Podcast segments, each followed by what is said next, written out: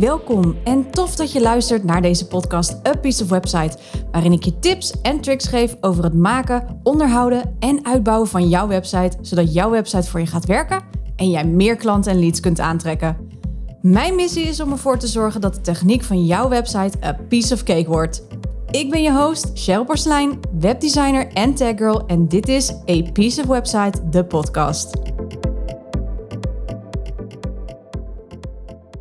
Hey, welkom. Te gek dat je weer luistert. En vandaag wil ik het met je hebben over wanneer je nu het beste een website kunt laten herontwerpen of dat je je bestaande website gewoon optimaliseert. Want weet je, als je een mooie website hebt, dan betekent dat nog niet meteen dat je daar niets meer aan kunt verbeteren. Sterker nog, ja, soms is het juist beter om een bestaande website te optimaliseren dan dat je meteen een website opnieuw laat maken. Er zijn een aantal dingen uiteraard die je kunt checken bij jezelf om je keuzes hierin te maken. De eerste is, klopt jouw branding, je message of ideale klant nog? Zo ja, kijk dan eens wat je aan de website kunt optimaliseren om met je website meer klanten te kunnen trekken. Het kan zijn dat je tekst misschien nog niet helemaal duidelijk genoeg is, vallen je knoppen nog wel genoeg op en zeggen deze ook wat de volgende stap is die iemand moet zetten. Denk bijvoorbeeld, zijn er foto's die veranderd kunnen worden? Of moet je een aantal onderdelen net even op een andere plek zetten? Dus een andere volgorde, omdat je een andere flow of andere doel hebt gesteld voor je website. Ook dan is het gewoon heel makkelijk om je bestaande website te optimaliseren. Nou, ben je helemaal geswitcht van complete branding message of ideale klant, dan is de kans wel erg groot dat jij een herontwerp voor je website fijner gaat vinden. Uh, je gaat namelijk dan met een schone lei beginnen en ja, dan zet je gewoon meteen alles goed. Dat is vaak minder kostbaar met zulke grote veranderingen dan een bestaande website optimaliseren. Als deze namelijk ook niet meer matcht met wat jij wilt uitstralen. Dus dan ga je veel dieper kijken dan puur alleen van: oké, hoe loopt de journey op de website? Welke kleuren gebruik ik? Hoe zijn mijn teksten? Kan ik die aanpassen? Etcetera, etcetera. Dus daarin kun je ook je beslissing maken daarin. Nou, twee is natuurlijk, wat laat jouw budget toe? Kijk, we kunnen niet in iemands portemonnee kijken. Een website optimaliseren kan zeker namelijk schelen in kosten, mits je dus niet een complete nieuwe branding message of ideale klant hebt. Als jij geen groot budget hebt, ga dan eens in gesprek met een webdesigner bijvoorbeeld om advies te vragen en kijk ook wat er eventueel mogelijk is voor nu binnen je bestaande website. Nou, heb jij een groter budget, dan kun je er veel gemakkelijker voor kiezen om je website te laten maken door een professionele webdesigner. Uh, die zorgt ervoor namelijk dat je website van alle gemakken en functionaliteiten wordt voorzien. Zonder dat jij natuurlijk hoofdpijn krijgt van een technische gedoe, hè, wat ik ook heel vaak hoor. Weet je, en dan kun jij je namelijk weer focussen op jouw klanten. En ondertussen kun je dus omzet blijven genereren, waardoor je je investering er ook weer makkelijker uithaalt.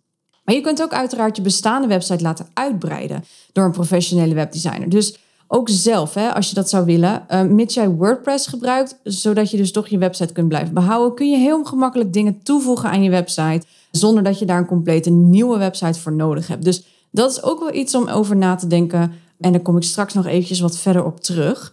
Want het volgende punt wat ik met je wil bespreken is: schaam jij je voor je website?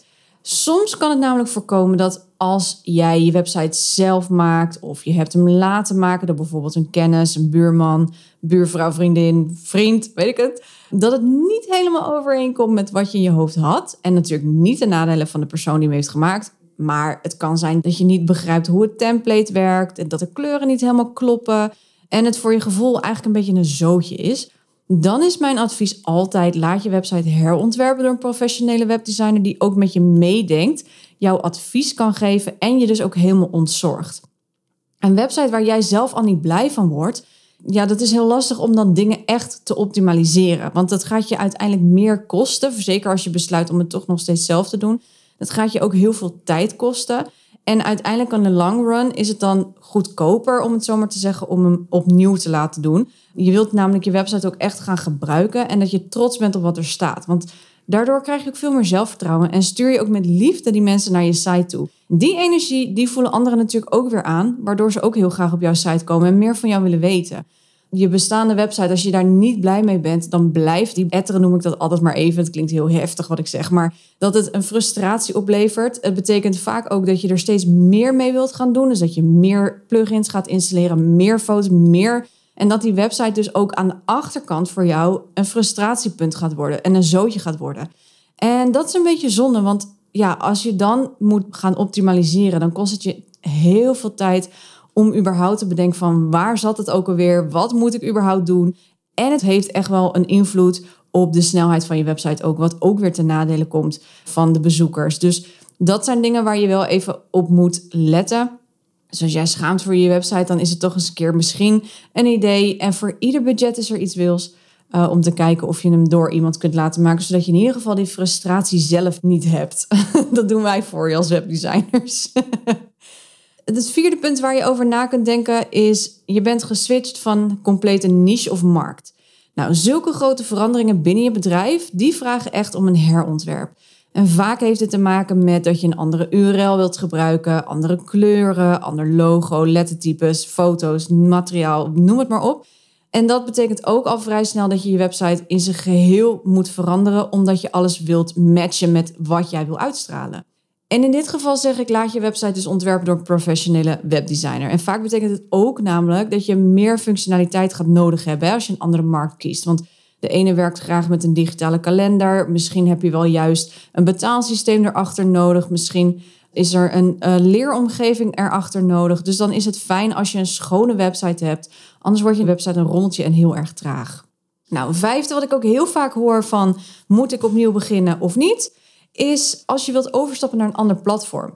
Veel startende ondernemers maken hun website door middel van Wix, Weebly of Jimdo bijvoorbeeld.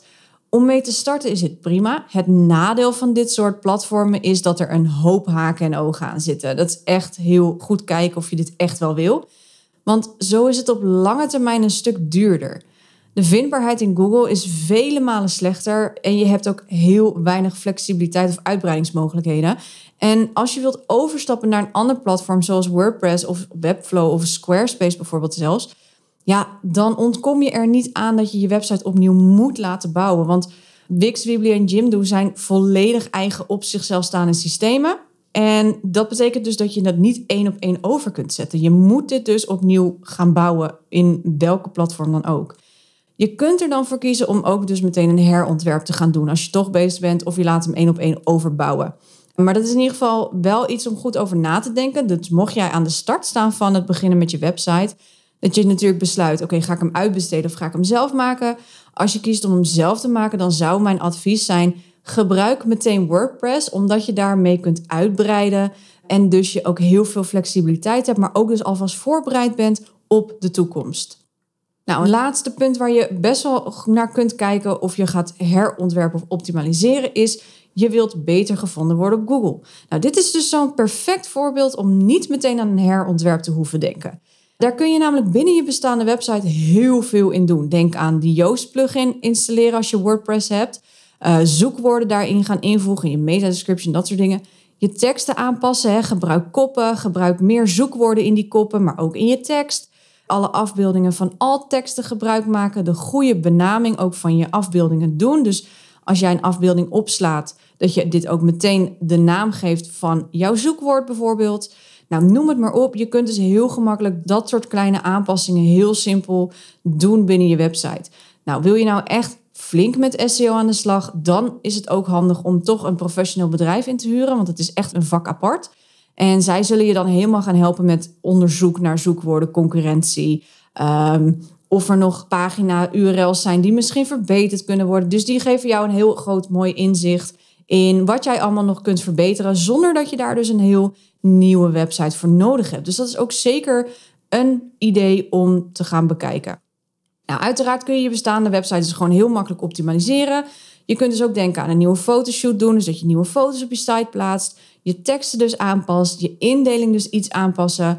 Want gebruik je bijvoorbeeld Divi, dan kun je bijvoorbeeld verschillende onderdelen binnen je website echt heel makkelijk verschuiven. Dat noemen we secties. En die secties kun je dus heel gemakkelijk een andere plek geven zonder dat je iets verliest of zonder dat je meteen afbreuk doet aan je branding. Weet je, je website ligt namelijk niet in beton. Hè? Het is wel belangrijk om goed te kijken naar wat je nodig hebt nu, maar ook in de toekomst. Ja, op die manier kun je dus veel makkelijker een keuze maken in welk platform je gaat gebruiken en of je het gaat uitbesteden of niet in het begin. Maar dat gaat je op lange termijn wel heel veel geld schelen, moet ik zeggen, als je nu die keuze gaat maken. En WordPress is daarin dus heel gemakkelijk uitbreidbaar en optimaliseerbaar. En heel veel webdesigners zijn hier ook gewend aan. Zo'n beetje 38% van de websites hier in de wereld zijn gemaakt met WordPress. Dus het is echt een hele grote groep website-gebruikers die WordPress gebruiken. Omdat het dus zo flexibel is en je dus gewoon je bestaande website kunt optimaliseren door dingen toe te voegen, dingen weg te halen, dingen te veranderen of andere zoekwoorden of iets dergelijks in te voegen. Dus dat is heel erg makkelijk. Je kunt er ook makkelijk een betaalsysteem bij zetten. Hè? Dus als jij met je bestaande website aan de slag wilt en jouw online programma verkoopt, om wat voor reden dan niet. Nou ja, kijk dan eens of je je teksten kunt aanpassen of je knoppen duidelijker kunt maken. Misschien heb je toch een extra functionaliteit nodig om je betaalsysteem te verbeteren. Dus allemaal dat soort dingen, daar kun je kijken van oké, met WordPress kun je dat heel gemakkelijk dingen bijvoegen of dingen weghalen, zodat die gebruiksvriendelijkheid verbeterd kan worden ook vooral, zonder dat je daar dus een hele complete nieuwe website voor nodig hebt.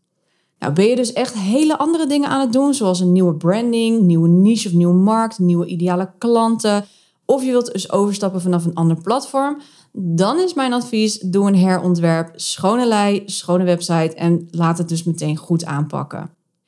Nou, wil je weten of een herontwerp of je bestaande website het beste kunt optimaliseren. Dus of je een herontwerp nodig hebt of niet. Boek dan even een website-analyse bij mij in. Nou, je kunt hier alle informatie vinden hierover op uh, www.cprecision.nl slash website-analyse. Uh, en dan kan ik je website gewoon heel erg goed bekijken. En geef ik je ook tips en tricks of jij je bestaande website kunt optimaliseren. Of dat je toch misschien een nieuwe website nodig hebt. Ik wens je in ieder geval een hele fijne dag. Bedankt dat je erbij was. En uh, ik hoor je graag in de volgende aflevering. Groetjes, doeg! Hey, voor je deze podcast helemaal afsluit, ik heb nog iets heel tofs voor je. Er staat namelijk een geweldige driedelige podcastserie voor je klaar. Bomvol tips en tricks om je website te optimaliseren of om je website vanaf het begin goed op te zetten. Zodat jouw website de juiste klant gaat aantrekken en voor jou gaat werken.